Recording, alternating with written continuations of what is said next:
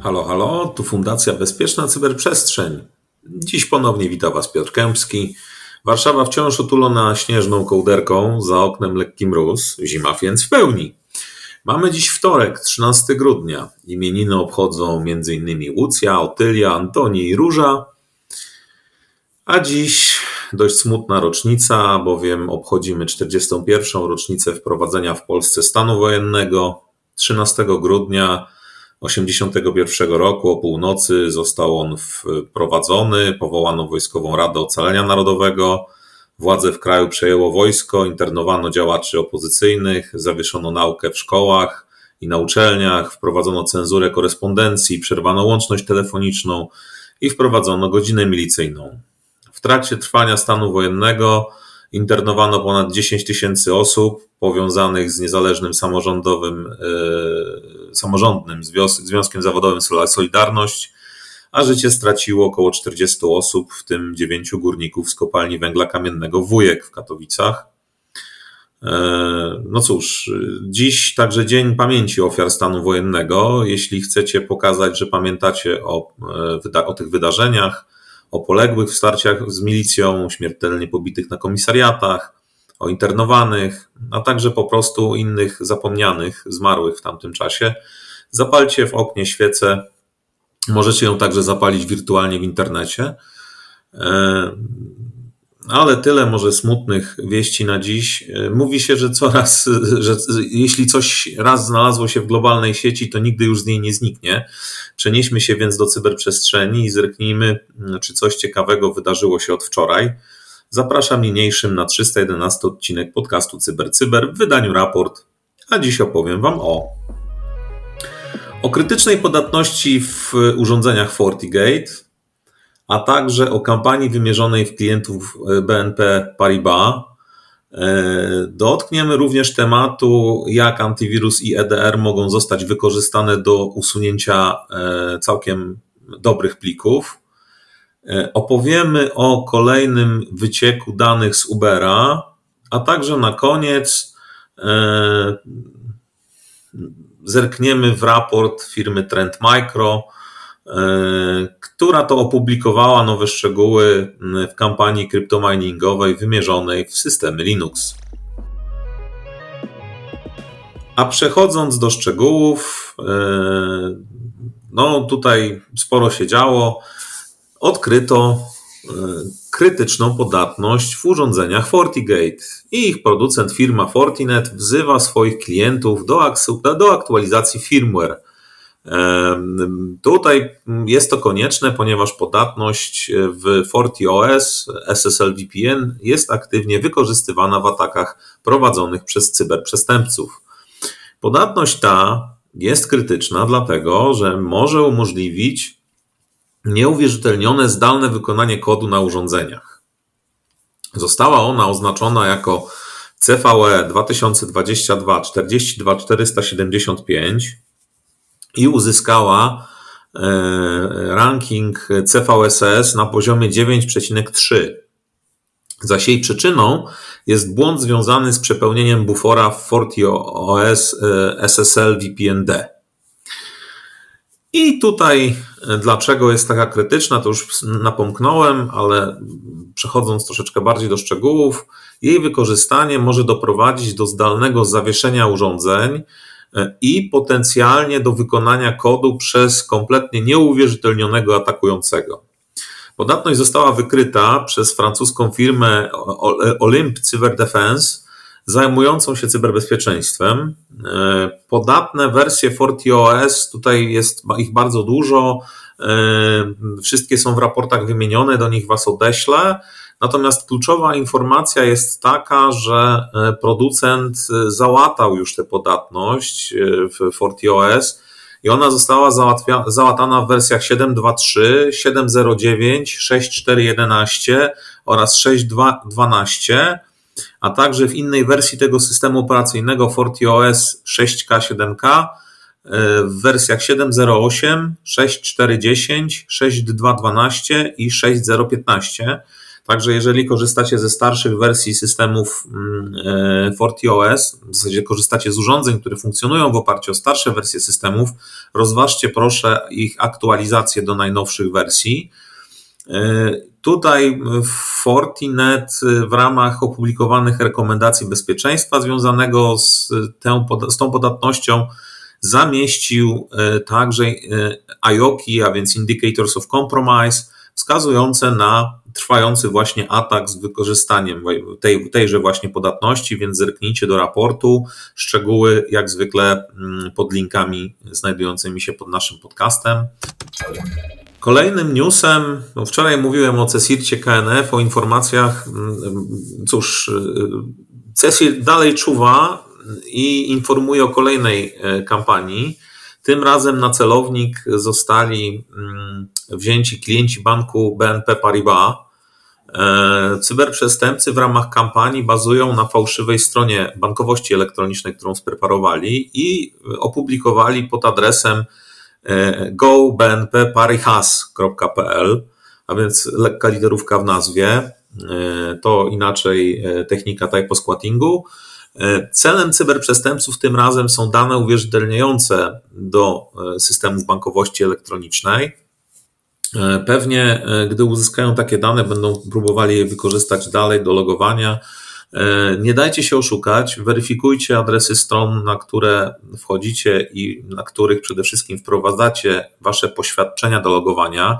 I pamiętajcie, że nawet jeżeli połączenie korzysta z szyfrowania, więc odbywa się po protokole HTTPS i tam w przeglądarkach wyświetla się taka ładna kółdeczka obok adresu, to jeszcze o niczym nie świadczy, bo atakujący również mogą swoją stronę w jakiś sposób uwierzytelnić certyfikatem, który jak najbardziej będzie funkcjonował, a adres witryny będzie niepoprawny, więc weryfikujcie adresy stron, na których e, wykonujecie jakieś operacje.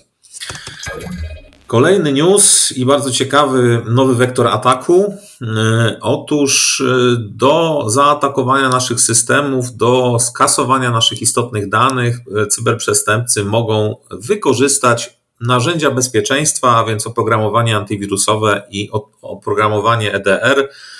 Cóż to takiego EDR? To myślę wiecie, ale dla tych, którzy nie słyszeli tego skrótu, to wyjaśniam. EDR to skrót od Endpoint Detection and Response, więc to taki troszeczkę bardziej zaawansowany antywirus. I tutaj badacz cyberbezpieczeństwa Orier mm, z zespołu SafeBridge e, zidentyfikował sposób na wykorzystanie funkcji kwarantanny lub innych mechanizmów ochronnych tego typu rozwiązań do usuwania dowolnych danych z komputerów, na których podatne oprogramowanie antywirusowe bądź EDR zostało zainstalowane. Podczas badań przetestowano 11 produktów tego typu, z czego aż 6 e, okazało się podatnych na tego typu działanie i udało się na 6 z nich, poprzez 6 z nich usunąć dane, które, e, do których należały m.in. pliki systemowe. E, tutaj wśród tych sześciu produktów znajdują się mm, rozwiązania firm Avast, AVG, Microsoft, SentinelOne i Trend Micro. Producenci oprogramowania zostali poinformowani o tejże podatności. Pracują obecnie nad łatą aktualizacyjną. E, podatność otrzymała póki co trzy numery CVS, CVE i tutaj mówimy o CVE 2022 37 971. Tutaj e, dotyczy ona rozwiązań Microsoft Defender i Defender for Endpoint, a numer jeden dlatego, że oba te rozwiązania korzystają z tego samego silnika wykrywania szkodliwego oprogramowania. Tutaj ranking CVSS jest na poziomie 7.1. Jeśli chodzi o rozwiązanie Trend Micro Apex One, to mamy do czynienia z podatnością CVE 2022 45797 i rankingu CVSS nie przyznano. A trzecim rozwiązaniem, mm, w zasadzie trzecim i czwartym to Avast i mm, AVG Antywirus. Tutaj mowa o podatności CVE 2022 41 73 i ranking CVSS na poziomie 8,8. W przypadku, co jest szczęśliwą wiadomością, w przypadku mm, tych trzech producentów i tych trzech rozwiązań producenci zadziałali ekspresowo. Już mamy dostępne nowe wersje oprogramowania odporne na tego typu mm, atak. I tutaj mówimy o Microsoft Malware Protection Engine w wersji 1.1.19700.2. Trend Micro Apex One upublicznił za to hotfix o numerze 23573 i patch o nazwie patch podkreślnik B11136. Natomiast Avast i AVG w wersji 22.10 są odporne również już na tę podatność. Szczegóły techniczne znajdziecie w raporcie SafeBridge. Zachęcam, to bardzo ciekawy materiał. E, a my przeskoczymy sobie za wielką wodę do Stanów Zjednoczonych Ameryki Północnej, gdzie firma Uber nie ma lekkiego życia, ponownie znalazła się na celowniku cyberprzestępców i w miniony weekend doszło do publikacji danych, które atakujący uzyskał w wyniku, jak się wydawało, kolejnej kompromitacji systemów firmy Uber. E, dane upubliczniono e, w formie wielu plików archiw, tak naprawdę, które rzekomo zawierały kod źródłowy powiązany z platformami zarządzania urządzeniami mobilnymi, czyli MDM-ami, wykorzystywanymi przez Uber i Uber Eats. Oraz y, y, tam jeszcze były y, dwa inne rozwiązania, o tym za chwilkę. Dodatkowo te archiwa zawierają raporty zarządzania zasobami informatycznymi, raporty zniszczenia danych, nazwy logowania do domeny Microsoft Windows, adresy e-mail oraz inne informacje korporacyjne. Tam w jednym z dokumentów na przykład znalazły się adresy e-mail i informacje Windows Active Directory dla ponad 77 tysięcy pracowników Ubera. Atakujący publikował dane w czterech wątkach odnoszących się, i tutaj właśnie o MDM-ach będzie słów kilka, odnoszących się do Uber MDM, Uber Eats MDM, Tequity, MDM, Techivity, przepraszam, oraz Trip, e, Trip Actions MDM.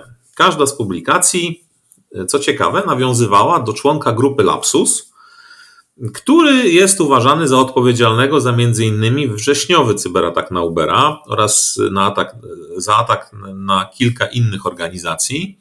A w ramach tego wrześniowego ataku cyberprzestępcy uzyskali dostęp do wewnętrznej firmy i zasobów dostępnych w chmurze oraz firmowego serwera Slack wykorzystywanego do wewnętrznej komunikacji w firmie Uber. Jak się okazało, tak naprawdę, źródłem tego wycieku, o którym mówię, nie, jest, nie są systemy Ubera bezpośrednio, a jest nim e, rozwiązanie firmy, firmy Techivity, Techivity E, a atakujący tak naprawdę w ramach ataku uzyskali dostęp do środowiska kopii zapasowych w chmurze AWS, w której to chmurze były przechowywane backupy klientów e, na oprogramowanie mm, Techtivity, e, a to oprogramowanie samo służy do zarządzania infrastrukturą IT. Uber twierdzi w opublikowanym oświadczeniu, iż grupa APT Lapsus nie ma nic wspólnego z wyciekiem danych, tym najnowszym, nie wykryto żadnych nieprawidłowości w wewnętrznych systemach IT Ubera, zaś kod źródłowy, który znalazł się mm, pośród upublicznionych danych, został stworzony przez Tectivity w celu zarządzania usługami Ubera. Więcej szczegółów, jak zwykle, pod naszym podcastem odnajdziecie. E, I w ten sposób dobrnęliśmy mm, w ekspresowym tempie do ostatniego newsa na dziś. Otóż analitycy bezpieczeństwa z firmy Trend Micro opublikowali raport opisujący scenariusze ataku typu cryptojacking, a więc takiego ataku, który mm, ma na celu przejęcie waszej infrastruktury i wydobywanie kryptowalut, któryż to e, atak mm, obrał sobie na cel urządzenia funkcjonujące w oparciu o system operacyjny Linux oraz e, instancje chmurowe.